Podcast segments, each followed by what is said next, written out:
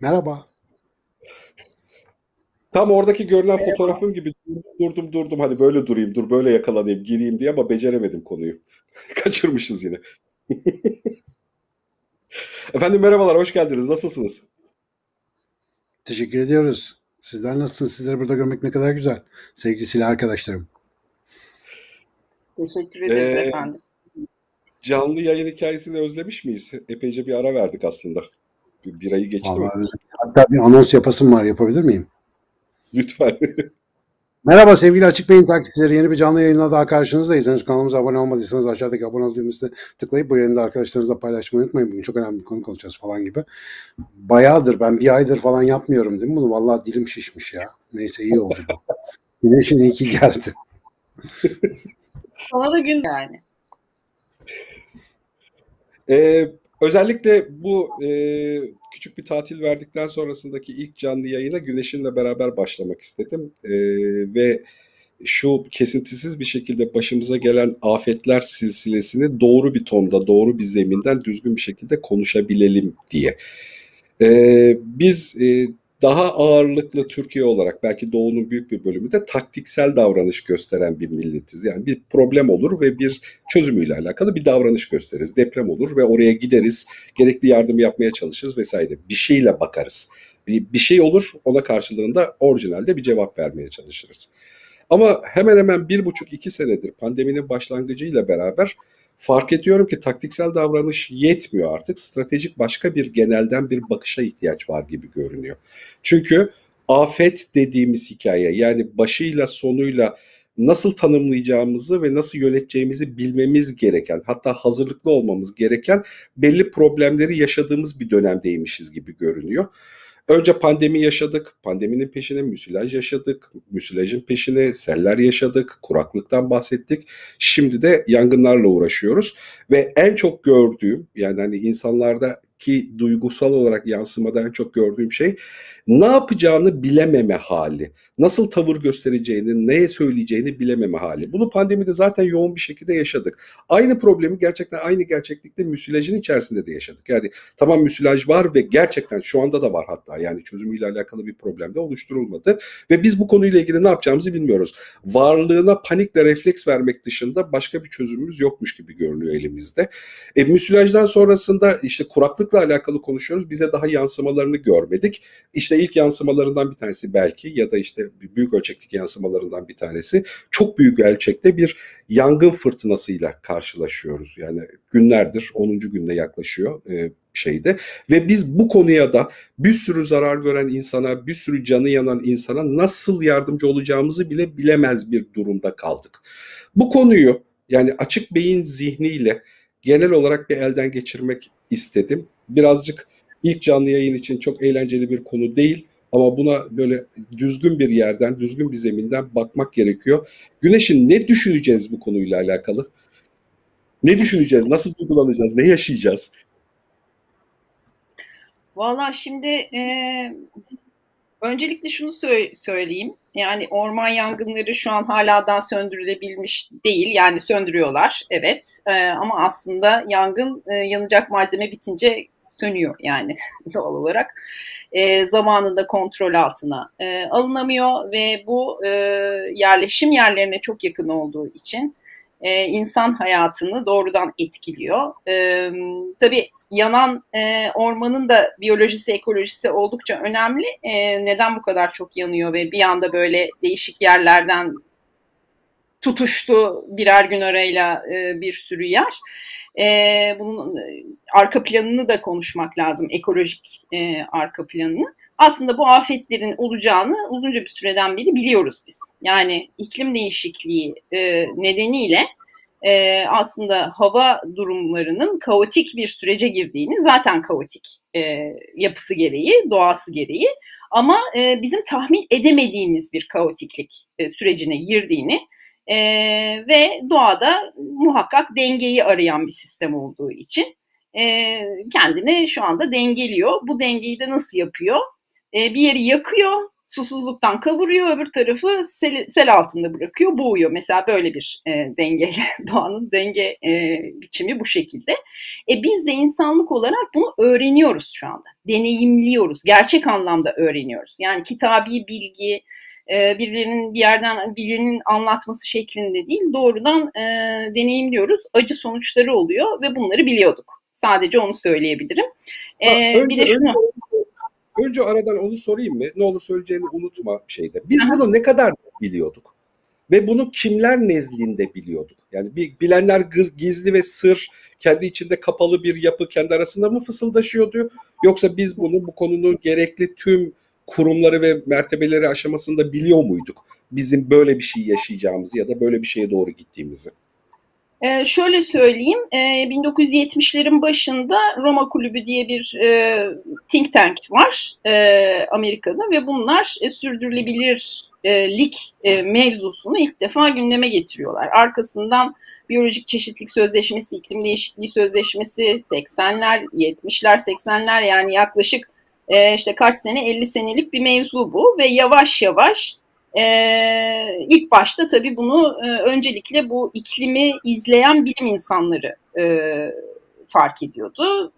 Paralelinde e, bir takım fa, e, facialar olmuştu. Yani mesela 70'lerde Sessiz Bahar diye yazılmış bir kitap vardır Rachel Carson'ın. E, pestisitler nedeniyle e, biyolojik çeşitliliğin ciddi anlamda etkilendiği hatta anne sütünde rastlandığı DDT'nin e, gibi böyle. Yani yavaş yavaş aslında insanın e, yeryüzüne olan etkisi özellikle yeşil devrimden sonra yani tarımdaki e, bu e, kimyasalların kullanılma e, sürecinden sonra biz hızlı bir şekilde e, doğayı şey yapmaya başladık. Yani orada sonuçları ortaya çıkmaya başladı. Ciddi anlamda. Ve aslında son 10 senedir e, tabii ki sivil toplum örgütleri 20 yıldır, 30 yıldır bakın yani Türkiye'nin sivil toplum örgütü tarihine baktığımızda aslında ilk örgütlü hareket ormancılarındır. İlk kurulmuş dernek 60'larda kurulmuş Türkiye Tabiatını Koruma Derneği orman mühendislerin kurduğu bir dernektir. Arkasından Doğal Hayatı Koruma Derneği vesaire. Yani biz bunu 30-40 yıldır biliyoruz, söylüyoruz.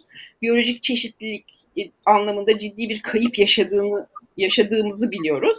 Arkasından iklim değişikliğinin etkilerini göreceğimizi biliyoruz. Ve bu projeksiyonları e, biliyoruz. E, bu hesaplamalar yapıldı ve aslında bütün hükümetler, bütün şirketler hepsi biliyor uluslararası sözleşmeler var. Örneğin Paris Sözleşmesi, Paris İklim Sözleşmesi. E, şu anda Türkiye'nin imzaladığı ama onaylayıp yürürlüğe sokmadığı bir sözleşme. Bu meşhur Greta Thunberg'in işte e, çıkıp o uluslararası e, camialarda e, Trump'a falan parmak sallayarak söylediği, buna nasıl cesaret edersiniz dediği hikaye bu. E, iklim sözleşmesini imzalamayanlar imzalasın, e, uygulamayanlar da bir an evvel uygulasın diye e, bas bas bağırıyor e, kız. Ama e, son 10 e, sene zaten iklim bilimciler de şunu demişti. Eğer acil önlemi almazsanız 10 e, sene sonra çok başka bir dünyaya bakıyor olacağız. Tanıdığımız bir dünya değil bu dünya, bildiğimiz bir dünya değil bu dünya. E, mevcut bilgilerimizle neler olabileceğini bilemiyoruz. Ki bu ekoloji bağlamında söyleniyordu. Fakat bunun esas e, ayağı sosyolojik. İnsanı etkiliyor çünkü. E, biraz önce söyledik. E, doğa kendini dengelemek için e, yapıyor bunları. E, ki aslında şu an hani yangına özel bir şey konuşacak mıyız bilmiyorum ama e, evet özellikle bu, konuşmak istiyorum o bölümle alakalı da. Çünkü tamam, o zaman o, o cümleyi sonraya bırakayım. Ama şu anda doğanın kendini dengeleme e, biçimi içerisinde insanın doğayla uyumsuz olarak kurduğu bütün yapılar hem fiziksel yapılar hem ilişkisel yapılar hem de görmediğimiz sosyolojik kültürel bağlar e, afet geçiriyor.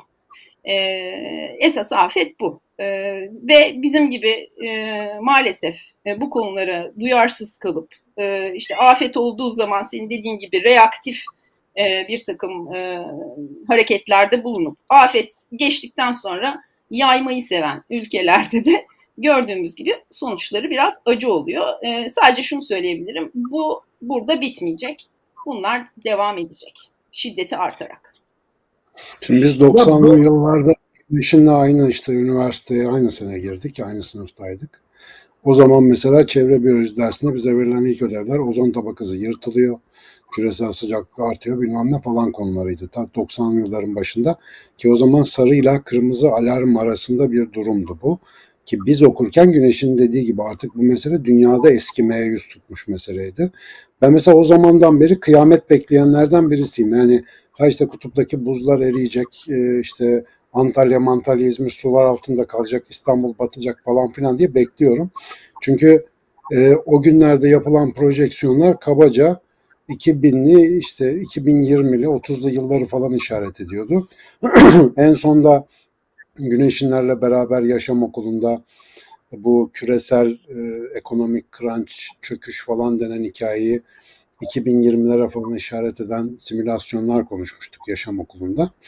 Ee, şimdi mesela onların olduğu bir hengamda bu kadar bilginin gezdiği bir yerde insanların yani bu konuyla akademik olarak ilgilenmeyen insanların bunlardan haberdar olmaması normal karşılanabilir. Ama bence burada anlamamız gereken önemli bir şey var.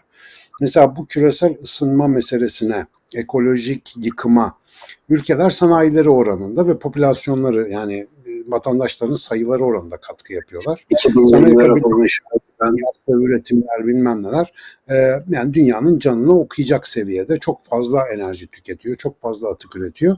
E şimdi mesela Amerika Birleşik Devletleri gibi ya dünyanın büyük devletleri bu tip protokollerde bilmem ne de ayak sürmeye başlayınca bizim gibi orta ölçekli ve bizden daha küçük olan ülkeler dünden ayak sürmeye başlıyorlar. Yani burada gerçekten global bir zihniyet sorunu var bu kadar göre göre bile bile kıyamete doğru yaklaşmamızın temel nedeni aslında yetkili herkesin güneşinde dediği gibi biliyor olduğu bir meselenin siyasi yarışlara, siyasi çekişmelere kurban gitmesi gibi geliyor bana. Yani o imzalamıyorsa ben niye imzalayayım? İşte şimdi mesela Türkiye'de görüyorsunuz o Kyoto protokolü vardı bilmem işte bu Paris Sözleşmesi şunlar bunlar. Bunlar ülkemizin iç işleyişine uluslararası müdahale hakkı vereceği için imzalanıp imzalanmama noktasında konuşuyor ama bizim dünyadaki sorunumuz bence veriye bakarak konuşmuyoruz. Yani veride bir şey var. Artık iklim bilimi denen şey eskisi gibi değil. Yani 1800'lerdeki gibi değil. Bayağı bir şey biliyorlar. Modellemeler var. Çok kesin tarihler veriliyor. Bunların hepsi öngörülüyor. Üniversitede ders olarak çocuklara anlatılıyor. Ama olunca da işte biz aa oldu nasıl oldu lanet olsun falan filan deyip bir de şunu yapıyoruz en yakınımızdakine suçu atıp yırtmaya çalışıyoruz mesela. Öyle de bir durum oluyor. Şunun yüzünden yandı, bunun yüzünden oldu, bunun yüzünden işte sular kirlendi, bu, bu böyle yaptım müsilaj çıktı gibi. Meselenin uzun vadeli bir şey olduğunu ve bir kültür sorunu olduğunu unutuyormuşuz gibi geliyor bana. Güneş'in bence bu konularda çok konuşması lazım. Çok. Şöyle bir örnek vereyim hemen. Ee, Önce sormak istiyorum Sinan Hoca'ya. Ne olur Güneş'in unutma e, yani e, bu aşamayla alakalı çünkü burada bir problem tipi de var. O da şu ki Güneş'in az önceki tarif ettiği son 50 yıldır söylene gelen bilimsel anlamda tespiti yapılan konu dünya ekonomi ve siyasi tarih tarifinde bir tarafın konusuymuş gibi görünüyor. Yani karşı taraf çok üretilmesi ve tüketilmesini destekleyen kapitalizm dediğimiz ana yapının içerisinde ve bu yapı çok et yensin istiyor. Kıyafetler sık süre içerisinde değiştirilsin istiyor. Otomobiller 3 yılda değiştirilsin istiyor. Çünkü bizim zenginliğimizin bu değişim döngüsünden oluştuğunu düşünüyor ya da üretiyor. Ama bunun karşılığında bir grup bunun böyle olmaması gerektiğini, burada aslında dünyada bir sınıra yaklaştığımızı iddia ediyor ve söylüyor ve bu aslında karşı tarafın zenginliğine göz koyan bir tavırmış gibi de görünüyor. Buna rağmen bilimsel veriyi, bilgiyi, buna rağmen bu bilgiyi, bu siyasal çatışmanın içerisindeki pozisyonuna rağmen nasıl anlatacağız ve ikna edeceğiz? Hem doğru bilgiyi nasıl seçeceğiz ve aynı zamanda hem topluma hem siyasi yapının kendisine, yönetimine, işte gerekli tedbirlerin alınmasını çünkü yani afetin aslında iki tane boyutu var. Afeti yaşadığımız an ve sonrası. Bizim temel problemimiz aslında afetin sonrasıyla ilgili.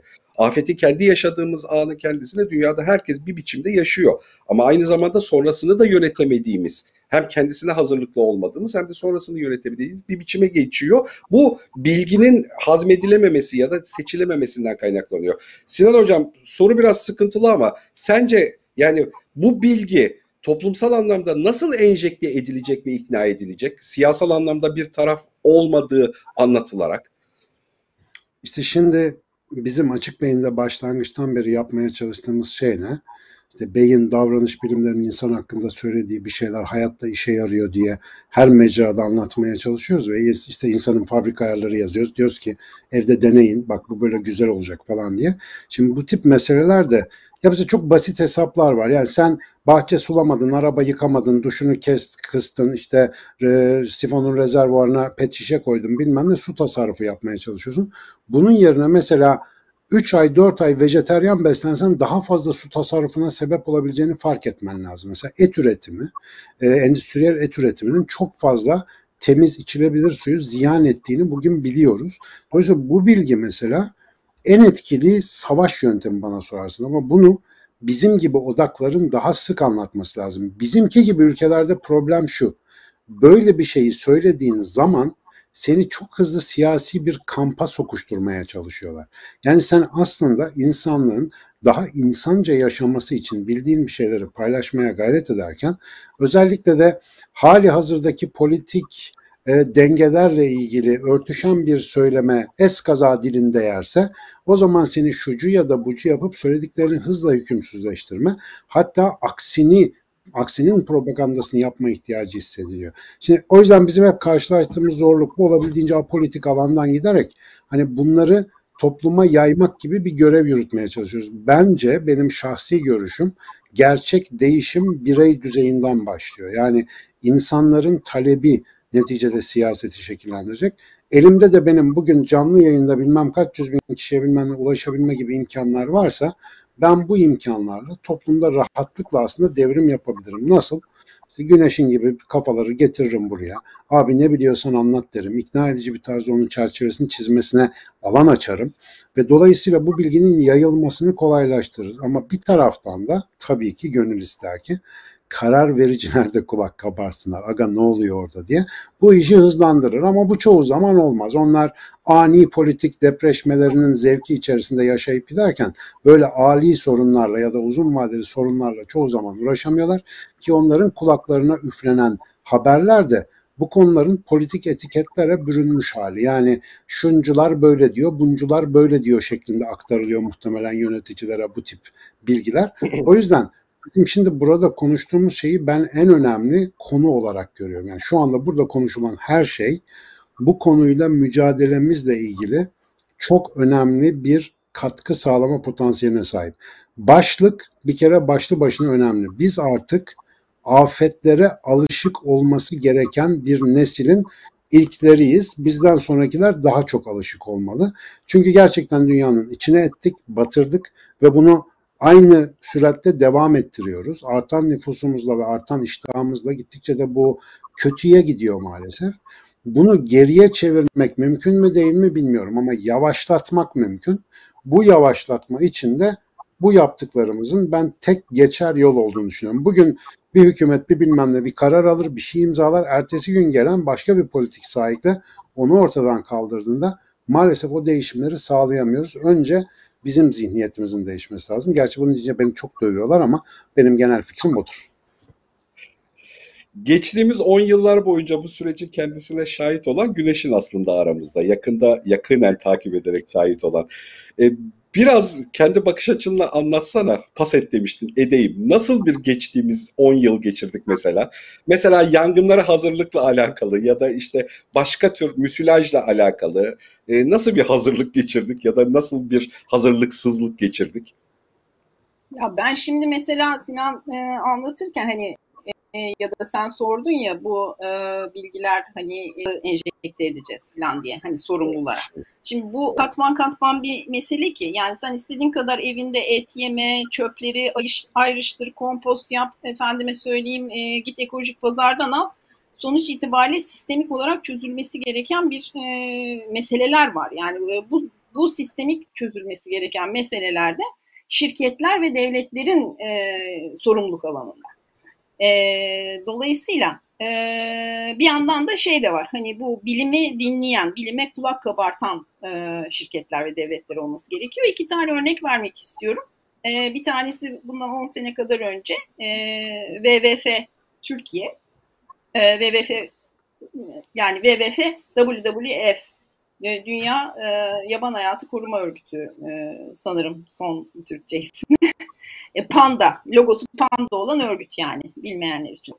E, bunlar e, uluslararası seviyede de ekolojik ayak izi diye bir e, kavram e, çıkardı ortaya. Bundan 20 sene, 25 sene önce.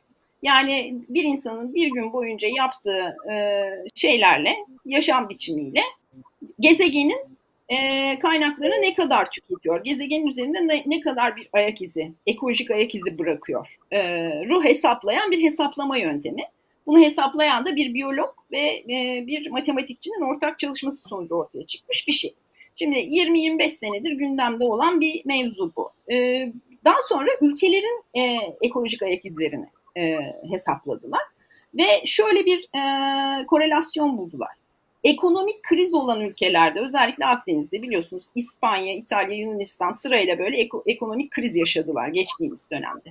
Ekonomik kriz e, yaşayan ülkelerin e, ekolojik tarihlerine baktıkları zaman e, bunun hemen peşi sıra e, olduğunu e, görüyorlar. Yani ekolojik bir şekilde ayak izini yükselten, bu konuda önlem almayan, e, doğal kaynaklarını har vurup harman savuran e, ve giderek e, ekolojik ayak izini yükselten bu ülkelerin bir vakit sonra ekonomik krize de gireceklerini ispatladılar. Bir konu buldular bu iki süreç arasında.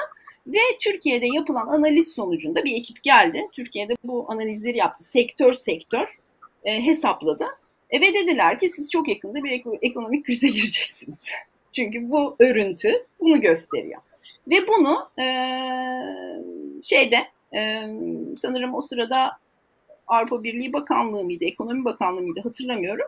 Oradaki bir e, grup insana sunuldu bu. Bayağı lansman yapıldı, sunuldu, e, uyarıldı. Hani bu konuda yapılması gereken önlemler var. Bu kadar çok yatırım projesi, bu kadar böyle doğal açıdan e, hotspot deniyor. Kırmızı nokta. Yani asla el sürülmemesi gereken. İşte doğal kaynak o zamanlar işte o HES'ler mesler hatırlarsınız. Ee, çevrecilerin e, bayağı bir tukaka olduğu dönemlerden bahsediyoruz. Bayağı her derenin üstüne HES yapılıyor. İşte termik santraller yapılıyor. Şunlar yapılıyor, bunlar yapılıyor. Buna karşı çıkan e, insanları da bir şekilde etiketleniyor. Fakat bu azgın sürecin e, sonunda ciddi bir ekonomik krize e, geleceğini söyleyen bir e, öngörüydü o ve bu bilgilendirildi. Dendi ki e, bu görünüyor, e, lütfen bunu ciddiye alın. E, tamam tabii çok teşekkür ederiz falan deyip şöyle kağıtları şöyle şöyle yaparak toplantıyı sonlandırdılar ve hiçbir şekilde ciddiye alınmadı. E, bundan yaklaşık 10 sene, 15 sene önce şeyden bahsediyorum, 10 senedir belki de. E, Sinan'ın bahsettiği o yaşam okulunda o konuları anlatan arkadaşımızın da verdiği bir örnekti bu. İkinci örnek şu an bir fiil içinde yaşıyoruz. Ee, yanan ormanlarımız, Akdeniz ormanları, Kızılçam ormanları biliyorsunuz bilim insanları, e, bu konuda çok kıymetli çalışmaları olan bilim insanlarımız var. Bir tanesi bizim üniversiteden bölüm e, bölümdaşımız Çağatay Tavşanoğlu, yangın ekol, ekoloğu kendisi. Ormancılar, e, bütün herkes artı Orman Genel Müdürlüğü, Orman Bakanlığı'nın bizatihi bu konuyla çalışan insanları da hem fikir ki Kızılçam, orman, yanan Kızılçam ormanlarına fidan dikmek falan e, bir cinayet. Ormanları gençleştirme çalışması doğru bir şey değil. Kendi haline bırakılması gerekiyor vesaire. Fakat şimdi bütün yanan ormanların üzerine turistik tesisler, e, madenler, efendime söyleyeyim çeşitli projelerle çöküldüğü için şimdiye kadar ciddi bir kamuoyu baskısı oluşacağı için Dün e, Tarım ve Orman Bakanı çıktı ve dedi ki hemen fidan fidanlarımız hazır. E, biz fidan ekimine başlayacağız. Bundan bahsediyorum. Bilim söylüyor, bas bas bağırıyor. Herkes bunu anlatıyor. Yani anlatıyoruz. E, hatta işte hatırlıyorsun yani ben hemen e, yangının ilk çıktığı gün fidan kampanyaları başladı. Fidan kampanyasını başlatan sivil toplum örgütü bile biz bile bunun doğru olmadığını düşünüyoruz ama kamuoyu baskısı var falan e, dedi yani ve vazgeçtiler. Ondan sonra bütün e, doğa üzerinde ciddi tahrip etkisi olan büyük projeleri yapan holdinglerden bir tanesi o gemiye bindi ve bilmem kaç bin tane fidan bağışlıyorum falan dedi. Bugün kabul edilmemiş. E, kabul etmiyoruz biz sizi demişler. Yani e, anlıyor musunuz? Yani nasıl bir, bir e, şeyin hani kaygılar neler? Bilim Ama ne diyor? 40 katır. Yani 40 satır mı 40 katır mı? Şimdi bütün e, şunu demek istiyorum. Afet çağında yaşamak derken bunun dışında hiç kimse kalamayacak artık. Bu demek bu.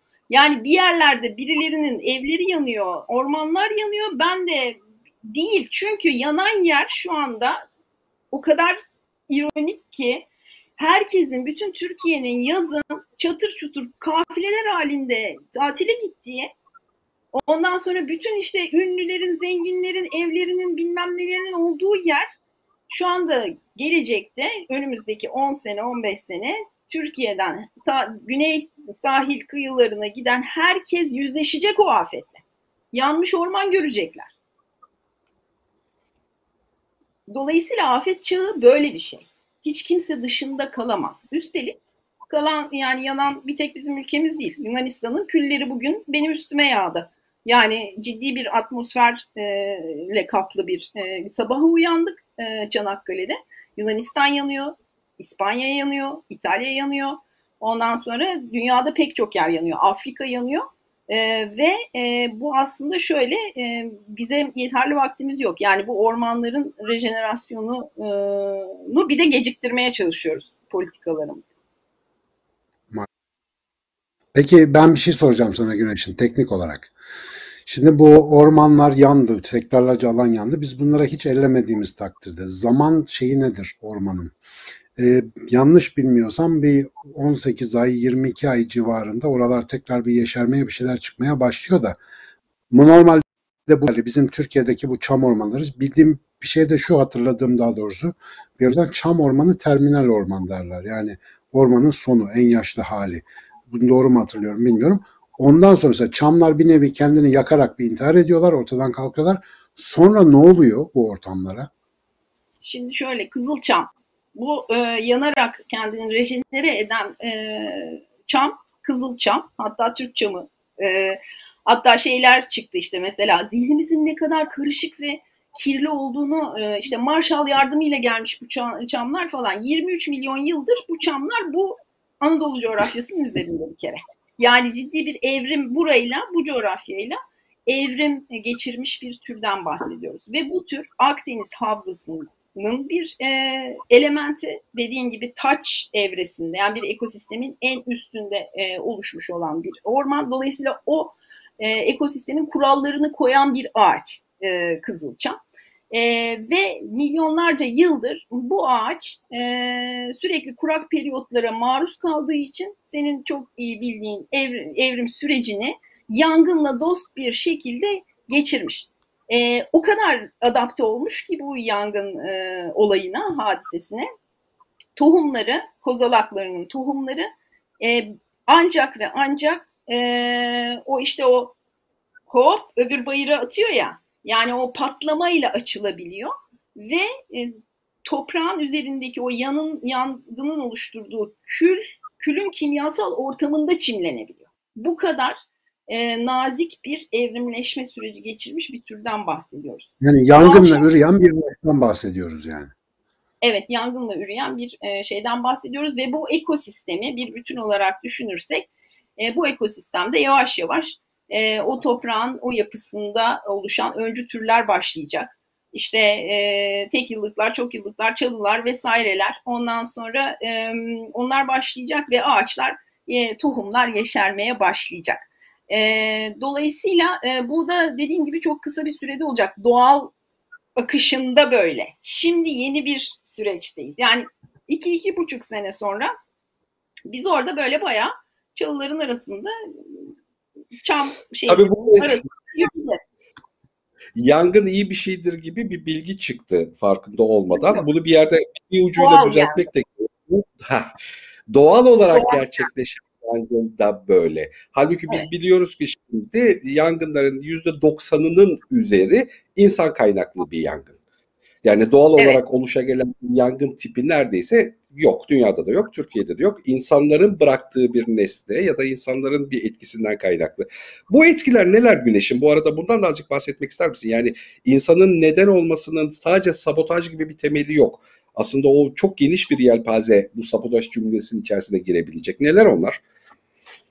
Yani ondan önce şeyi söyleyeyim. Ee, neden bu ormanları mesela e, fidanla buluşturmamamız lazım? Ne- Çünkü ormanın üzerinde tabiri caizse e, dün şeyle konuştuk. Açık Bey'inden Ela ile konuştuk. O aradı beni. E, ve neden neden diye sordu yani. Ondan sonra o o kül örtüsü aynen derimiz gibi. Yani derimiz nasıl e, şey yapınca üstüne hani haşır huşur girmiyoruz. E, fidanları dikmek için e, sürecekler orayı. E, sürecekler, kazacaklar. Yani zaten kendini onarmaya çalışan bir ekosistemi dışarıdan çok ciddi anlamda e, bir etki e, olacak. E, şimdi e, evet doğal e, yangın e, diyoruz. Şimdi normalde aslında doğal yangın nasıl e, çıkar? Yani zaten burada birebir yaşadık. O kadar e, kurak bir periyodun sonunda şu an yanan yerlerin yanan yerlere hiç yağış düşmedi. Bir damla yağış düşmedi. E, dolayısıyla aşırı derecede kurudu ve bağıl nem çok düştü. Yani yanması için her türlü o şey hazırdı zaten orada. E, ve bu iklim değişikliğinin bir etkisi. E, iklim değişikliği hazırladı oradaki e, bütün e, ortamı. Bir de tabii burada iklim değişikliği geriye dönük bir süreç. Bunlardan bir tanesi bizim ciddi anlamda geleneksel yaşam biçimlerini kaybediyor olmamız. Bu ormanlarda işte mesela duyarsınız sarı keçililer, göçerler vesaireler keçileriyle e, o keçiler de o insanlar da o ekosistemin bir parçasıydılar yakın bir zamana kadar. E, göçe, göç ediyorlardı belli rotalarda. Keçiler ormanda e, besleniyordu bir budama gerçekleştiriyordu. Ayaklarıyla e, o orman altındaki ibre örtüsünü parçalıyordu, küçültüyordu. E, bir keçi etkisi vardı. Ondan sonra bu insanların belli rotalarda göç etmesi engellendi. Buralardan artık göç etme. Hatta e, işte keçiler ormanı yiyor. Efendime söyleyeyim işte e, ne bileyim ben e, yakıyor vesaire gibi sebeplerle e, halbuki oradaki o ormandaki yanacak malzemeyi e, azaltıyordu keçiler.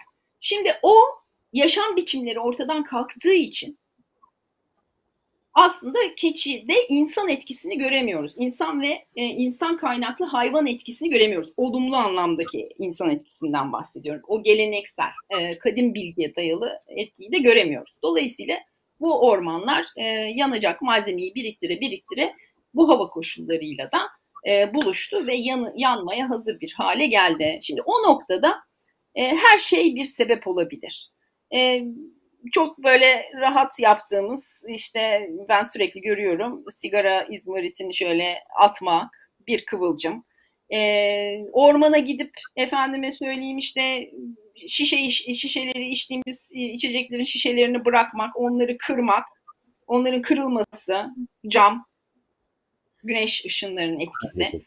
E, bunu artık çocuklar bile biliyor yani. Camla ateş yakıyorduk çocukken. E, ondan sonra efendime söyleyeyim e, çöpler, plastikler, yanıcı malzeme ciddi anlamda ve bir bayram periyodu geçirdik biliyorsunuz. Bayramlarda herkes hurra ormanlara, dere kenarlarına, mangallar, şunlar bunlar. Yani yanacak malzeme var, yakacak etmen var. E, e bir tek yangın eksik zaten. Hadi buyur. Bir sürü yerde aynı anda e, başladı. Dolayısıyla ben aslında burada yani sebebi çok net bir şekilde görüyorum. Zaten yıllardır e, için için yanıyordu buralar. Yani iklim değişikliği böyle bir şey. Sessiz bir şekilde yakıyor. E, belli yerleri sessiz bir şekilde yakıyor. Belli yerleri işte görüyoruz. Bu eskiden küresel ısınma idi bunun ismi. Sonradan dendi ki bu bazı yerde soğumaya da neden olur. İşte yani hava koşullarındaki dengesizlik dolayısıyla küresel iklim değişikliği densin ve sonunda aslında son 5 sene de e, küresel iklim krizi e, ve yavaş yavaş küresel iklim felaketi. Size bir deyimin evrimleşme sürecini de anlatmış oldum böylece.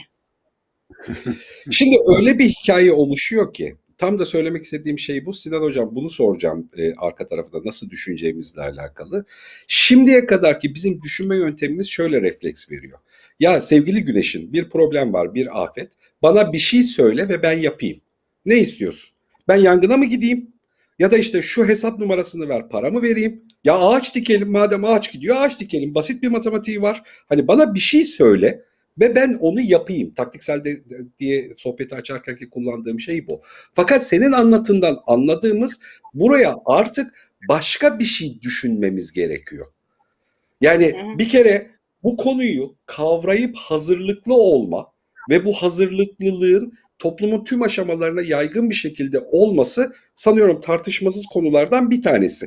Bunun artık politik bir konudan, siyasal bir konudan çıkartılıp artık bizim toplumun tüm anlayış seviyesinin içerisine yerleşmesi çünkü aslında felaketlerle ilgili ana problemlerimizin zemininde de bu var. Yani işleyişte de bu var. Yani insanlar gerçekten yalnız hissediyorlar kendilerini.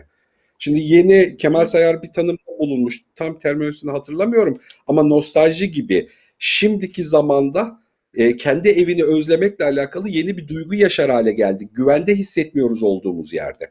Alışkanlıklarımız var. Yılda birkaç defa adaya denize gidersin müsilaj var gidemiyorsun. Tatile gideceksin bundan sonra gittiğin yerlerde yangın göreceksin ya da yangının kalıntılarını göreceksin. Zaten pandemi var tüm topluma yaygın bir şekilde eğitimden sağlığa kadar bir sürü şeyi değiştirmiş. Yani zihninde ve hatıralarındaki oluşturduğun ev duygusunu kaybettik alanda. Ve bu gerçekliği anlayarak yeni bir çözüm üretmek gerekiyor. Yeni bir bakış açısı durumuna geçmek gerekiyor. Sinan Hocam nasıl bakacağız, nasıl anlayacağız buradaki hikayeyi? Yani Şimdi- biz kavrayıp nasıl bir metot yapacağız? Şimdi insanlık benim görebildiğim kadarıyla sıkışmadan değişmiyor. Böyle işte ulusal ya da bölgesel ya da global kabz durumlarında, sıkışma hallerinde iklim krizi yeriniz bir zihniyet krizine işaret ederek değiştiriyor. Yani biz zihniyet krizimizi görmeye başlıyoruz orada. Şimdi bugün de açık bir zihniyet krizi var. Yani şimdi e, İsterse konu yüksek öğretim olsun, isterse iklim değişikliği olsun, isterse ekonomik durum olsun, adına ne dersen de. Onun şimdi tartışılış biçimine bakarsan, mesela Özgür Demirtaş çıkıyor, ekonomiyle ilgili adam ekonomi 101 dersinden bir şeyler anlatmaya çalışıyor. Ya adamı öyle e, salvolarla savuşturuyoruz ki şimdi yani bu bütün dertlerin çaresi belki Özgür Demirtaş'ta yoktur ama adamın söylemek istediği şey ya arkadaşlar dünyada zaten bilinen 100 yıldır 150 yıldır denenen defalarca tokadı yene yene öğrenen sistemler var. Bu sistemlerin bir ABC'si var. Şunu şöyle yaparsan, bunu böyle yaparsan, üretim yaparsan işte dolar böyle olmaz falan filan diye bir şeyler anlatıyor. Fakat bu anlattığı şeyler ya işte sen don dolarla maaş alanlar düşünsün söylemi e, düzeyinde bir söylemle karşılanıyor ve işte bu post truth dönemi dediğimiz dönemde o gerçi hakikatin önemsizleşmesi döneminde o salvoları yapanlarla bu 101 e, kısmından konuşanların sözleri aynı kıymette gibi dolaşıma giriyor. Dolayısıyla çok ciddi bir bilgi krizi, doğruya ulaşma, hakikate ulaşma sorunu yaşıyoruz biz böyle dönemlerde. Zaten şu anda içinde yaşadığımız her türlü krizin bu kadar akıllı, bilişim çağında bilmem ne insanlar olarak temel nedeni doğru dürüst temel bilgileri uygulayabilecek yeterliğe haiz görmüyoruz kendimizi. Herkes birilerinin ağzına bakıyor. Bu çeşitli tarafkirliklerle besleniyor. Ya bir partiye yaslanıyorsun ya bir sivil toplum örgütüne ya bir fikre, ideolojiye bir şeye yaslanıyorsun bir inanca neyse. Onun sana dediğini zannettiğin şeyi tekrar ederek sahili selamete çıkacağını düşünüyorsun ama binlerce yıldır yaptığımız hataları aynen tekrarladığımızı işte böyle krizler geldiğinde fark ediyoruz. Şimdi benim şahsen arzuladığım e, arzuladığım bir noktaya doğru gidiyormuşuz gibi gözüküyor. Bu biraz hani sapıkça bir ifade gibi gelebilir size ama yani insanlığın bir krize girmesi demek öğreticilerin yeni bir şeyler anlatabilme şansının doğduğu bir zamandır. Yani insanların ya bir dakika biz bir şeyleri yanlış yapıyoruz galiba, dünyayı yanlış kullanıyoruz, yanlış yaşıyoruz galiba demelerini mümkün kılabilecek vasatlardır böyle vasatlar. Şimdi ben muhtemelen insanın fabrika ayarlarını bundan 20 sene 30 sene önce yazsaydım kendi ömür sürem içerisinde bu kadar ilgi görmeyebilirdi ama şimdi mesela bir sağlık krizi var. Bir sağlıklı yaşam, bir doğru yaşam krizi var. Biliyorsun bizim açık beyine başvuranlar, eğitime gelenlerin falan büyük bir çoğunluğu bu soru işaretiyle geliyor. Ya bu kadar bilgi, bu kadar uzman var da ben doğru nasıl yaşayacağım, hayatımı doğru nasıl kuracağım? Dolayısıyla biz zihniyet krizine biz mesela bir açıdan yanıt vermeye çalışıyoruz ve bu yanıt ancak şimdi duyulabiliyor. Güneş'in bu işleri işte 30 senedir anlatıyor kız. Üniversiteden beri bu işlerin peşinde. Son 15-20 senedir de ciddi ciddi kurumsal düzeyde, sivil toplum örgütlerinde, dünya çapında konuşuyor. Fakat güneşin ne zaman duyulmaya başlayacak ve başlıyor şu anda? İşte burnumuzun dibine gelen bu yangınları gittiğimiz tatil beldelerinde evimizin yanında görmeye başladığımızda, yükselen sular bilmem ne şehirleri basmaya başladığında, yiyecek ekmek bulamadığımızda, otlar yeri yeşermediğinde, bilmem ne olmadığında, bildiğimiz havaların sonu geldiğinde artık bir dakikalar söylüyordu, ne diyordu falan ya da bunun gibiler bir şeyler anlatmaya çalışıyor diyeceğiz. Şimdi insan bizim bir varlık. Yani anlatırsın anlamaz. Tepesine tokmak inince de vay ah vah eder. İşte Bektaş'ın hikayesi gibi gemi batarken duaya durur falan filan. Biraz öyle bir durum söz konusu ama şu aşamada ben iklim krizi anlamında uzmanı değilim bu işin. Uzmanı olan arkadaşlarım var. Bir tanesi burada. Ee, onların anlattıklarından anladığım kadarıyla biz insanlık olarak eski mesut günlerimize dönebileceğimiz o geri dönülebilir noktayı geçeli çok oldu. Yani oradan geçtik biz artık. Biz şu anda yeni bir çağın içinde yaşıyoruz ve hazırlıksız yakalandığımız işaretlerini veriyoruz. Bu tarz yaşadığımız meselelerle. Şimdi buna bir tık daha hazırlıklı olabilmek için işte bugünkü başlığı çok beğendim, iyi bulmuşsunuz. Vallahi benim katkım yok. Afet çağında yaşıyoruz ve daha da afetler göreceğiz maalesef. Fakat bu afetler Güneşinden başta bir şey söyledi. Doğa kaotik bir takım şeyler üretmeye başladı. Aslında doğanın kendisi kaosta dedi. Bizim tahmin edemeyeceğimiz bir kaos.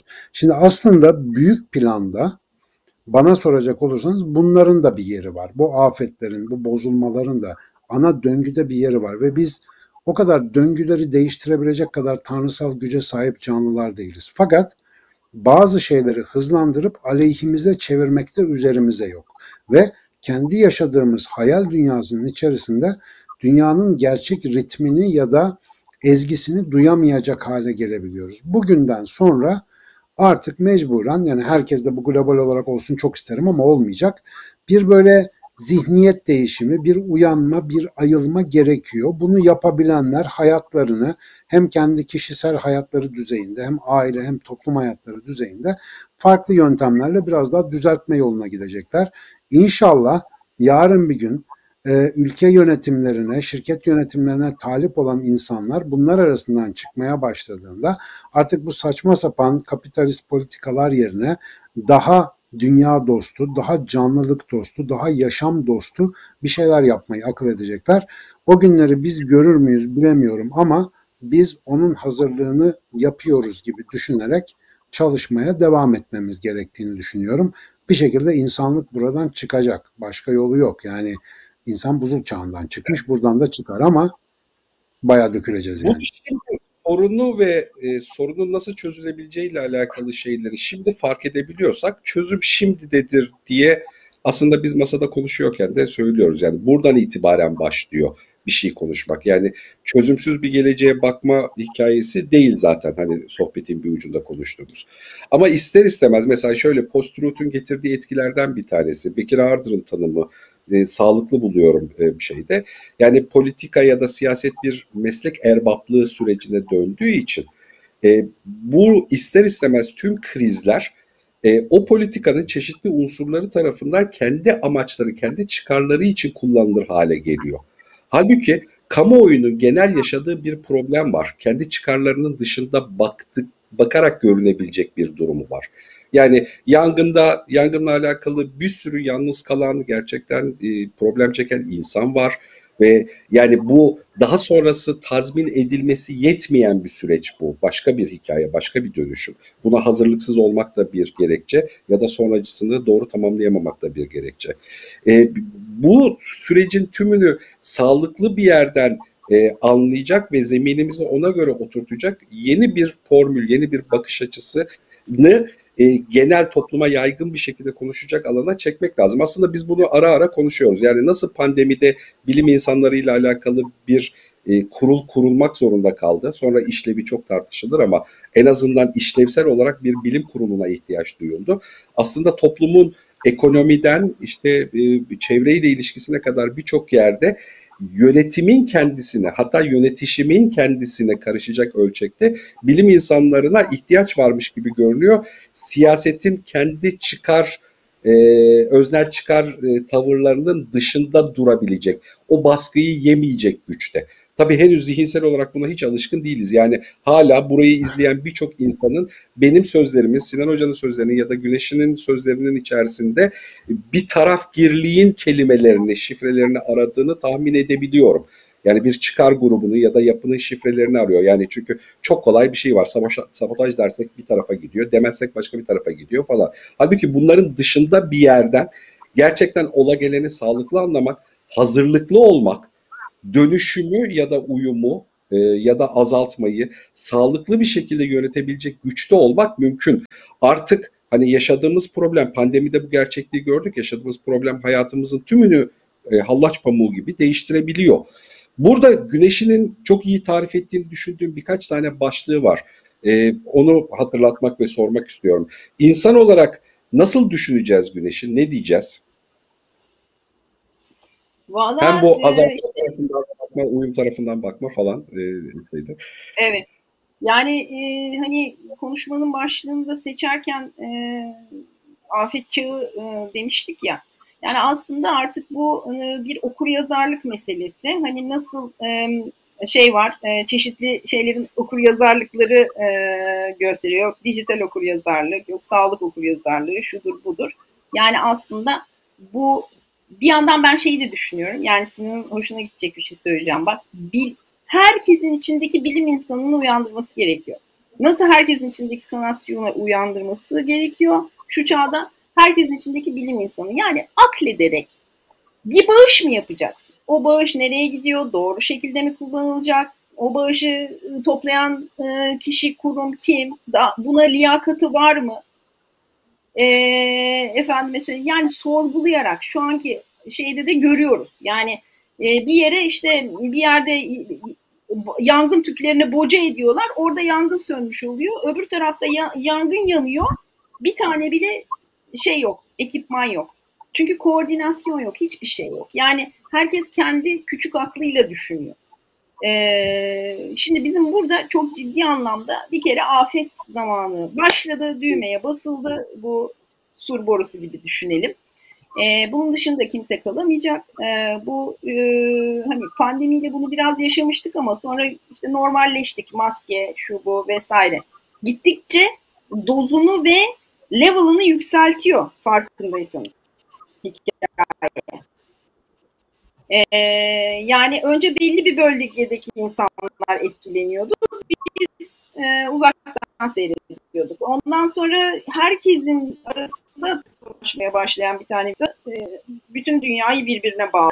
E, şimdi de e, çok enteresan bir şey oluyor. Yani e, bir yandan içindekiler ama dışındakiler de görüyor. Canları ciğerleri yanıyor. İşte hayvan severi de e, işin içinde, psikoloğu da işin içerisinde, orman işçisi de işin içerisinde, polisi de işin içerisinde, sıradan halk, ünlü, efendime söyleyeyim yani toplumun her kesiminden insan işin içerisinde ve aslında bu bir e, yani Sinan'ın söylediği şeye katılıyorum. Bu bir mayalanma e, süreci. E, burada e, aslında e, şöyle de bir şey oluyor. Yani halk dayanışmayı öğreniyor ya da hatırlıyor diyelim. Çünkü bizim kültürümüzde olan bir şey bu. Vardı. Ee, birbirine güvenmeyi öğreniyor, dayanışmayı öğreniyor, ee, bunu nasıl koordine edeceğini öğreniyor. Ee, insan öğrenen bir varlık, yani bunu da öğreniyor. ve e, ben uzaktan baktığım zaman bir yandan da hani yardım çalışmalarını da takip ediyorum, içerisindeyim de e, destek de veriyorum bulunduğum noktadan. E, ve e, aslında bir şeyi deneyimliyoruz. Topluca deneyimliyoruz. Hatalarımızı görüyoruz. E, birisi bir şey yazmıştı mesela işte şehirden yandık, e, ormanlarımız yanıyor deyip kalkıp böyle hurra arabaya doluşup gitmişler oraya. E, tişört mişört çıkartıp böyle oradaki orman işçileri biz yanarım istersem öleceğim ben kardeşim gidiyorum falan demiş. Bir de işçilerin hem işini engelliyor hem e, kendisi ölecek hem onunla kurtarmakla uğraşacaklar. Yani bir sürü şeyi engelliyor mesela ve bunu gözlemleyen kişi o grupla gelen kişi kendini eleştiriyor. Yani e, çok karmaşık yani doğa bir kaos yaratıyor ama insan insan davranışlarına dair e, kaosu e, tahmin etmemiz gerçekten çok zor. Neler neler oluyor. O yüzden bir, artık afetleri bekleyelim. Yani bunlar e, şiddetleri de artacak, sıklıkları da artacak. Hayatımızın normali olacak. Peki o zaman nasıl yaşayacağız? E, bir kere e, bu konuyu da iki başlık altında değerlendirelim. Akut durum, kronik durum. Akut durum şu an yaşadığımız. Yanıyor. Ve gerçekten su içmeye vakti olmadan insanlar canhıraş yanan ateşi söndürmeye sonra da soğutmaya çalışıyorlar. Çok iyi yapamıyor. Gerçekten tesis yetersiz, insan yetersiz. Bilgi yetersiz değil mesela bakın. Yani Orman Bakanlığı yetkilileri, orman işçileri çok çok iyi biliyorlar bu işi. Fakat mesela ne demişler biliyor musunuz? Normalde Kızılçam ormanlarında yangını durdurmak için biz ateş yakarız demişler. Karşı ateş. Böyle bir teknik var. Şu anda insan vay ormancılar ormanı yakıyor diyecekleri için yapamıyoruz demişler. Yangını söndürmek için son derece teknik ve bildikleri bir metodu uygulayamıyorlar şu anda kamuoyu şeyi nedeniyle. Ee, oradaki insanlar ormancılar yangın e, dedikleri için. Yani bu zihinsel de çok zihinsel ve kalbi seviyede çok ciddi bir dönüşümü gerektiren e, bir süreç. E, her afet kendi koşulları içerisinde kendi kaosunu yaratır bir kere. Onu bilelim. Çünkü mesela şimdi ağaç dikilmesin diyoruz. Kızılçam ormanları kendini yenileyecek diyoruz. Başka ekosistem, başka bir orman ekosisteminde belki dikilmesi gerekecek. Yani otomatiğe almamamız lazım bir takım şeyleri. Her afeti kendi koşulları içerisinde değerlendirmek, bilenleri takip etmek, hazırlıklı olmak böyle bir şey. Bilenleri takip etmek. Onları takip eden ağların içinde bulunmak. Kendi başına diye bir şey yok. Kesinlikle ağların içerisinde olmak, sürekli bilgi akışını sağlamak. Doğadaki gibi gene doğaya bakmamız gerekiyor. Yani e, doğanın bu kışısı bir araya ve sürekli uyanık kalmak e, çok çok önemli. E, bu konuya yaklaşımla alakalı iki tane de kullandığı başlık vardı. Biri uyumlanma ve biri de azaltma ile ilgili. Yani e, hani fark edilmesi evet. gereken şeyler bense şimdi uyumlanma ayağını bir miktar anlattın aslında söyledin. Yani uyumlanmayla alakalı metodolojiyi bunu fark et algıla. Aslında bir de biraz geride de olsa yavaş yavaş hani biz açık beyin içerisinde de sıklıkla kullanıyoruz. Bu azaltmayı fark etmek yani tüketimi azaltmayı fark etmek. Bunu kavrayarak bunu geliştirmekle alakalı da bir zemine de ihtiyaç var gibi görünüyor. Ama bunun haricinde yani e, kendi ülkemiz içerisindeki e, belli e, o örgüsel davranışta işte liyakat sahibi adamı sağlıklı seçme, karar verme mekanizmasının içerisinde tutma ve güvenilir oluş, güvenilir bir alan oluşturmayla alakalı da bir kültür geliştirmeye de ihtiyaç var. Çünkü işte taktikler davranış bundan kaynaklı oluyor. Kimse bir şey yapmıyor, ben bir şey yapayım. Adam orada yalnız başına kalıyor diye sokağa çıkıyor, tişörtünü çıkartıp yangın üzerine yürüyor. Bu topluca iyi niyetle yola çıksa da işte saçma sapan bir fotoğraf doğuruyor işleyişin kendisinde. Kimin güvenilir olup olmadığını, kimin e, gerçekten amaç için davranıp davranmadığını seçmek ve yönetmek de bir işe dönüşüyor. Değil mi Sinan Hocam? E öyle şimdi yani evde insanların beyin tümörüne çok yakalandığını görüp de çekilin ben beyin ameliyatı yapacağım demeye benziyor. Orman yangını söndürme dediğin işin neticede bir ilmi var. Yani bunun bir yöntemi var. Tamam şimdi duyarlılık falan her şey çok güzel ama işte bu ajitasyonla e, işe yarar tepkiyi birbirinden ayırabiliyor olmamız lazım. Ya bu da e, işte Güneş'in dediği gibi biraz işte böyle bir zihniyet kalpte ve zihinde bir dönüşümle falan filan anca olacak bir şey. Ben bu arada program meselesiyle kayda geçsin diye bir şey daha söyleyeyim. Mesela bu konu muhtemelen katılmaz. e, yani bu James Lovelock'tu galiba değil mi? Gaia kitabını yazan. E, o en son onun Neosen kitabında gördüm. E, bu arada Neosen güzel bir tabir. Bizim antroposenden sonra Neosen'de insanın yeni bilinç dönüşümü geçireceği bir gelecekten bahsediyor. E, biraz ütopik bir e, gelecek tasavvuru var orada. Mesela Lovelock'un söylediği ilginç bir şey var. Nükleer enerji meselesine karşı gösterdiğimiz karşıtlık türümüzün zeka düzeyinin ne kadar kısıtlı olduğunun en iyi ispatıdır diye muhteşem bir cümlesi var. Bizim bu iklim krizinden, bu yetersizlikten, bu kendi pisliğimiz içinde boğulma noktasından geriye dönebilmemiz ya da onu yavaşlatabilmemizin en önemli koşullarından bir tanesinin temiz ve güvenli nükleer enerjiye hızla geçebilmemiz ve onu adapte edebilmemiz olduğunu düşünüyorum. Çünkü yıllardır güneşinde bu konuyu tartışırız. Ee, biz nükleer tüketerek yaşarken yeşil enerjiyle enerji sağlamak isteyen bir garip çocuksu bir niyete sahibiz. Yani haftanın beş günü tavuk Öyle yiyorsan nasıl? Şöyle bir emoji var ya onu yapmak istedim evet. Ya tabii istersin.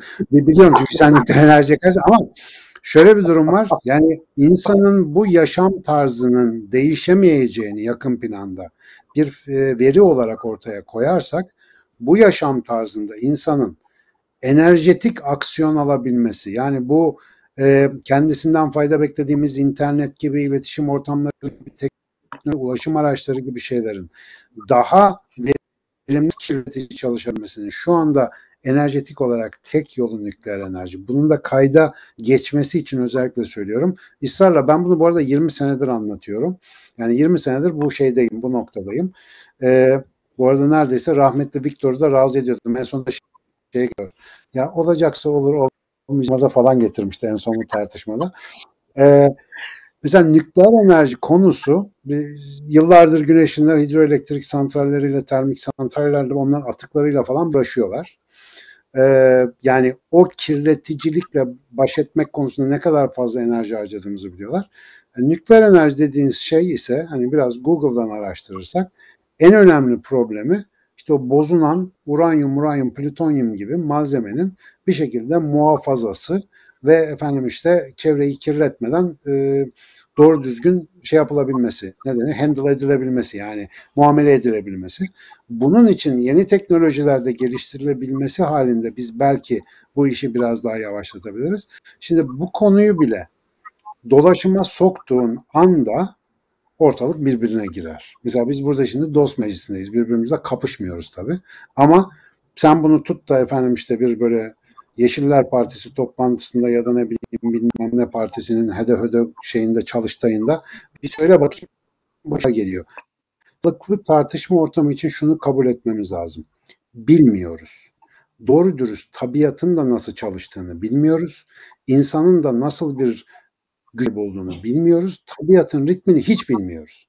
Dolayısıyla bu bilmediklerimiz içerisinde tartışabilir halde durmamız, bilmiyoruz diyebilmemiz lazım. Benim özellikle bu nükleer enerji konusunu her masaya geldiğinde kaşımamın sebebi de budur.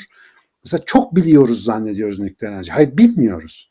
Yani diğer konuları bildiğimizi zannettiğimiz gibi şu anda insanlığın burnunun sürtüldüğü yer o biliyorum zannettiği yerler. Bilimin en güzel tarafı bilim hiç bilmez. Bilim hep öğrenmeye ben, çalışır.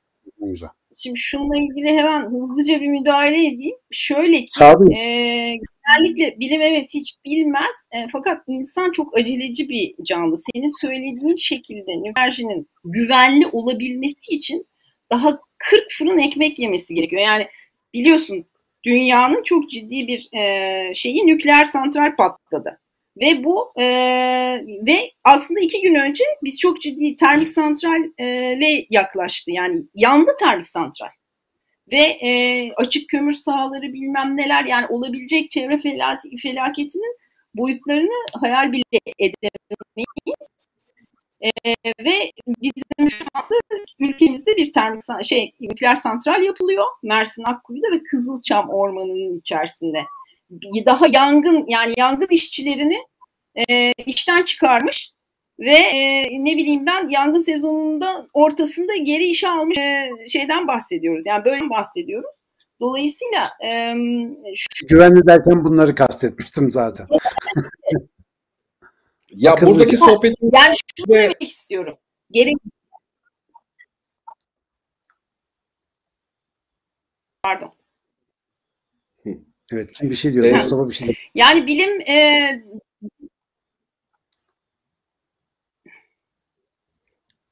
galiba sesle alakalı bir sıkıntı oldu. Ee, bilim bir şeyi bildikten hemen sonra e, hızlı bir şekilde hızlı bir şekilde bunu uygulamaya koyuyor.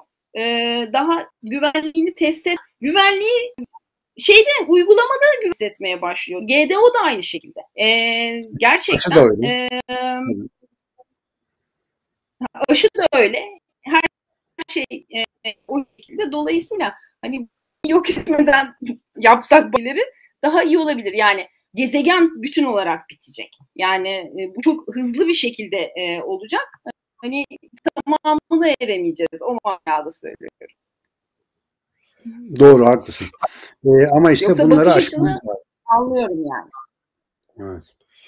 Bunları konuşabiliyor evet. olduğumuz zaman düzelecek. Yani ezberlerimizle hareket et. O otomatiği almamamız lazım diyorsun ya işte her şeyde aynı şey geçerli. Otomatik pilot bizim felaketimiz. Çünkü bildiğimizi zannederek hareket ediyoruz işte. Sıkıntı bu. Aslında bu sohbetin içerisinde arka planda hani e, birebir üzerine açık beyin olarak da pozisyonlanmayı tercih etmediğimiz için gitmediğimiz ana konulardan bir tanesi bu sürecin yönetim biçimiyle de alakalı. Yönetim yani hem yönetişim hem yönetim biçimi. Yani doğru şeyleri tercih etmek ve bu doğru şeyleri doğru biçimde uygulayabilmekle alakalı. Buradaki yaşadığımız problemi temel çapı da bununla ilgili. Bu az önce söylediğimiz gibi bilgiyi, nitelikli bilgiyi seçmek, bu nitelikli bilgiyi uygulanabilir seviyede saygın bir pozisyonda kullanmakla mümkün ancak. Şimdi bunu geliştirme ile alakalı, burada nasıl düşüneceğimizi öğrenmekle alakalı, bazı bilgi gruplarını fark etmekle alakalı bir derdimiz var. Bu seviyedeyken bile bu problem öbeğiyle uğraşıyorken bir de nükleer santral seviyesindeyken nasıl bir problem öbeğiyle uğraşacağımız hani ya da sonuçlarına nasıl katlanacağımız hikayesi bambaşka bir fotoğraf doğurur. Yani sorunumuz politikanın bu tarz krizleri kendi kişisel anlık lokal çıkarları için kullanıyor olmasıyla ilgili zaten bunu global anlamda anlıyor olduğumuz ve organik olarak artık global yani çevre konusunda gerçekten globaliz. Hep öyleydi. Yani ülke sınırlarıyla tanımlamak mümkün değil. Yani tüm dünyada bir şey oluyordu. Fakat afetlerin sonuçları açısından lokaliz. Yani afetlerin sonuçları Amerika'da da yangın çıkıyor evet ama sonuçlarında başka şey oluyor. Bizde yangın çıkıyor sonuçlarında başka şey oluyor işte adı otel oluyor adı başka bir şey oluyor. Yani ve bu yönetişimle alakalı bir alan doğru kararları vermekle ilgili bir kararmış gibi de görünüyor e, bir şeyde. Lütfen Güneş'in buyur. Bir de aslında buna şunu da eklemem gerekiyor. Ee, esasen e, bu dünya üzerindeki yaşamının e, hani e, bu enerji şeyiyle, ihtiyacıyla bunu ancak nükleerle karşılayabilir görüşünün aslında şöyle bir şeyi de var yani benim açımdan baktığım zaman. E, biz bu şekilde e, tüketen yani şu an dünyadaki insan popülasyonlarına baktığın zaman, yaşam biçimlerine baktığın zaman e, işte şehirlerde birikmiş, Ondan sonra aslında yalnızlaşmış bir tür, çeşitlilikten uzak. Sadece her nereye baksam insan görüyorum şeklinde bir şey. Kardeşim en fazla insanın hayvanlarını görüyorum. Kediyi, köpeği, şeyi. Ben niçin bir sinek kuşunu görmüyorum? Ben telli turna yeniden gelmiş ya ülkemize yuva yapmış. Niçin e, bu kadar e, senedir görmüyorum ben telli turna? Neden bitki türleri, ağaç türleriyle kardeşçesine yaşamıyorum? Yani sadece insan diliyle konuşuyorum, bir şeyle konuşuyorum, doğanın diline bakmıyorum. Ee, ben buradaki her şey sadece benimmiş gibi davranıyorum yani. Ve dolayısıyla hep böyle davranıyorum. Ve enerji ihtiyacım da bu şekilde yaşamak için ben böyle yaşayacağım. Onun için de nükleerde yaparım kardeşim. Yani ben esasen bu zihniyete karşı. Nükleer santrali değil yani.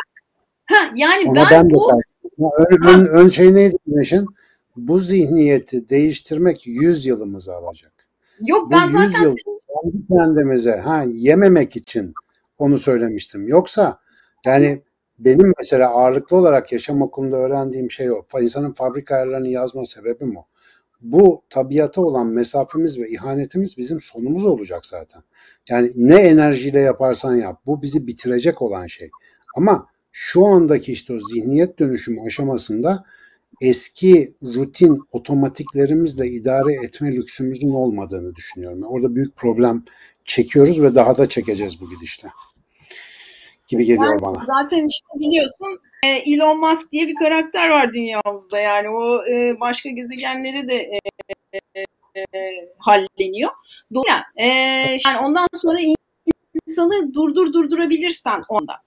Ama yani e, işte orada şey e, bu. E, burada aslında zeytinyağı ve su gibi ayrılacak bence bu şey. Çünkü e, şu anda mesela yangın bölgelerinde gerçekten şey gibi yani görüntülere baktığın zaman kazma ile kürekle eline ne almışsa işte o tişörtünü çıkarıp cemik yapan insan da e, ondan sonra ve inanılmaz bir koordinasyon grubu kurulmuş vaziyette yangın bölge. Sivil toplum yapıyor. İşte arkadaşlarında tanıdığımız insanlar. Ondan sonra onların kurduğu koordinasyon ve o o koordinasyon da her afette afetin doğasını öğreniyor, tecrübeleniyor gönüllüleriyle, şunlarıyla birlikte. Tamamen sivil bir e, şeyle, dayanışmayla e, gerçekleşiyor. Aslında bu e, tam anlamıyla o kaotik döngünün işte e, her şeyi devletten bekleyen, ondan sonra efendime söyleyeyim, devlet gelsin yapsın, bilmem ne diyen bir moddan ben kendi işimi kendim yaparım. Yalnızlaşıyor ayrı bir konu ama kendi işini kendi yapabileceği güveni geliyor şu anda insanlara. İnsanlar kendine geliyorlar ya. Yani e, acı bir şekilde geliyorlar ama hangi ders acı bir şekilde öğrenilmiyor ki zaten? Ha, bunun yanı sıra diyebiliriz ki o kadar hayvanlar yandı, şeyler yandı. E, onlar için de yaz tutacaksın. Kalbin yumuşayacak. Ben ne ettim diyeceksin. Ve tek bir insanmış gibi davranmayacaksın. Ben sadece güneşin değilim ki. Ben ev, bir evde yaşıyorum. O evin içi. Ama ben aynı zamanda dernek yöneticiliği yaptım. Ben aynı zamanda vakıf kuruyorum. Ben gençlerle çalışıyorum. Ben falanca yerde gönül. Be, benden 180 tane var ya. Ve herkes için geçerli bu. Ve her bir karakterimizi, ortaya koyduğumuz her bir karakteri verimli bir şekilde çalıştırmak zorundayız. Yani artık afet çağı bu demek. Her bir insandan bir sürü var. Zannetmesin ki hiç kimse kendisi bir tane. Bütün rollerini düşünsün. Yani şirket yöneticisi e, bir tane şirket mesela Kaz maden kazıyor şirket. Tamam mı? Şirketin bir yöneticisi var. Şirket yöneticisi evde organik besleniyor. Çocuklarının bilmem şeyini işte doğayla bilmem nesini görüyor ama geliyor Kaz Dağı'nı kazıyor. Böyle, bu şizofreni bu. Bu böyle bu aslında insanın şizofrenik bir canlı olduğunu gösteriyor. Çeşit çeşit yerlerde farklı farklı şeylere bürünüyor. Bütün değil. Bütün olmamız gerekiyor. Bütünüz biz. Nasıl? Güneşin partisine oy verelim. Valla bu bu üçlüden bir tanesi Cumhurbaşkanlığına aday olursa bir şeyler değişebilir ben size söyleyeyim yani. Güneş'in adayım sensin. Ay yok ben mahalle muhtarlığına aday olayım ya hiç Oradan başlarsın ya yavaş yavaş yukarı doğru. Ya Muhtarlar çok, çok seviyor zaten. Dolayısıyla muhtar olduktan sonra saraya ayağın alışır bence. Orada muhtarlar toplantısı falan oluyordu bildiğim kadarıyla. Gider orası. Küçük güzeldir, küçük güzeldir. Sen bilirsin bunu. Sohbetin sohbetin kendisinin zaten bir şeye gebe olacağını hep başından beri seziyorum, biliyorum ama bu üzerine daha konuşulacak bir sürü yol olduğunu, yürünecek bir sürü patikayımız olduğunun bir başlangıcı aslında. Hani buradan yola çıkıp çeşitli başlıklar altında bir sürü daha soru var arka tarafta. Hani özetleyip anlatmak gerekirse konuyla alakalı. Gerçekten e, afet hikayesi bu bir korku filmi teması oluşturmak için değil. Güvenilir kaynaklı, temiz, bilimsel bilgiye dayanarak afet hikayesi rastgele 2020 kötü bir 2021 yılı kötü bir yıl olduğu için değil. Artık dönemi ve zamanı böyle olduğu için hayatımızın bir parçası olarak giriyor ve bizi hem ülke çapında hem de global anlamda etkiliyor. Kaçınılmaz bir şekilde etkiliyor ve neye dönüşeceği mesela kuraklığın gıda üretimiyle alakalı neye dönüşeceğini bilmiyoruz.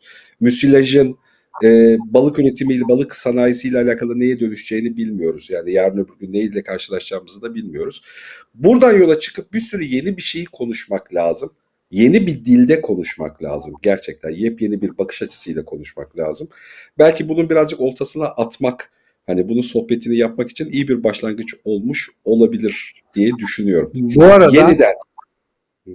Bu arada Güneş'inin yakında açık beyinde başlayacağı Doğa 101 okulumuzu da hatırlatmak istiyorum.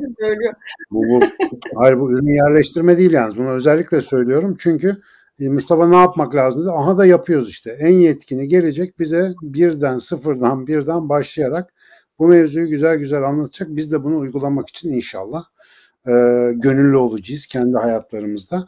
E, gerçekten şaka bir tarafa güneşinin e, açık beynin zaten mayasında şeyi çoktur.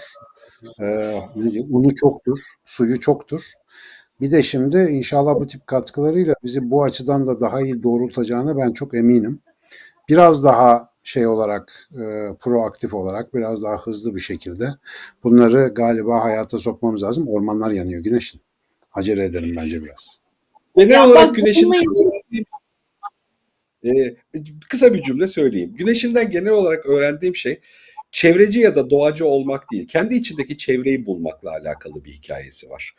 Ve bu kendi içindeki çevreyi ya da doğayı e, hissettiğinde, bulduğunda zaten doğası gereği uyum sağlıyorsun dışarıdaki olması gereken şeylere. Ve bu bakış açısı benim tonla, bu grupla, bu yapıyla ilgilenen insana oranla çok orijinal bulduğum bir bakış açısı. Yani öznel de bulduğum bir bakış açısı. O yüzden aradan bu cümleyi de söylemek istedim. e, Şeydi. Eyvallah. Ben de kendimden memnunum gerçekten. Yani totalde memnunum. Hani memnun olmadığım taraflarımı da seviyorum öyle söyleyeyim.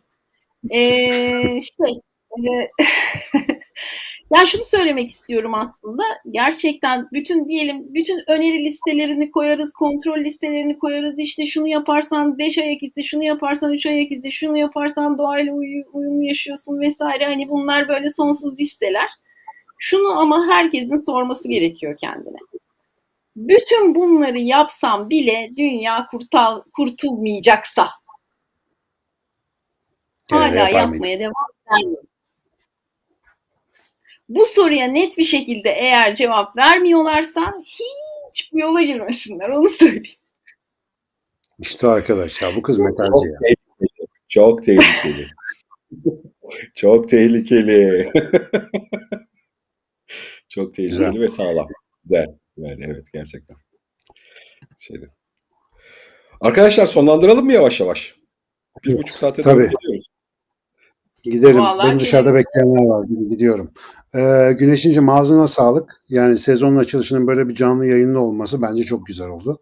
Mustafa eline sağlık. İyi ki organize Hocam ettin. İyi ki hemen daha çok bir araya gelelim. Açık beyin bunlar. Allah sorar vallahi. Bu kanallar boşa akıyor. İnterneti boşa akıtmayalım. Güzel bir şeyler yapalım bu konuda. Bizi izleyen bu arada e, yani birkaç bin kullanıcı izlediği gibi bir durum var. Anlık olarak 500-600 kişi falan izliyor ama devamlı bir sirkülasyon var. Sağ olun, var olun. Özlemişsiniz açık beyni belli. E, yeni sürprizlerle geleceğiz efendim. Karşınızda olacağız. Bizimle olduğunuz için teşekkür ediyoruz yani. Güneş'in çok teşekkür ederim. Sevgiler, saygılar hocam. Ben teşekkür ederim. Görüşürüz. Kendinize çok dikkat edin.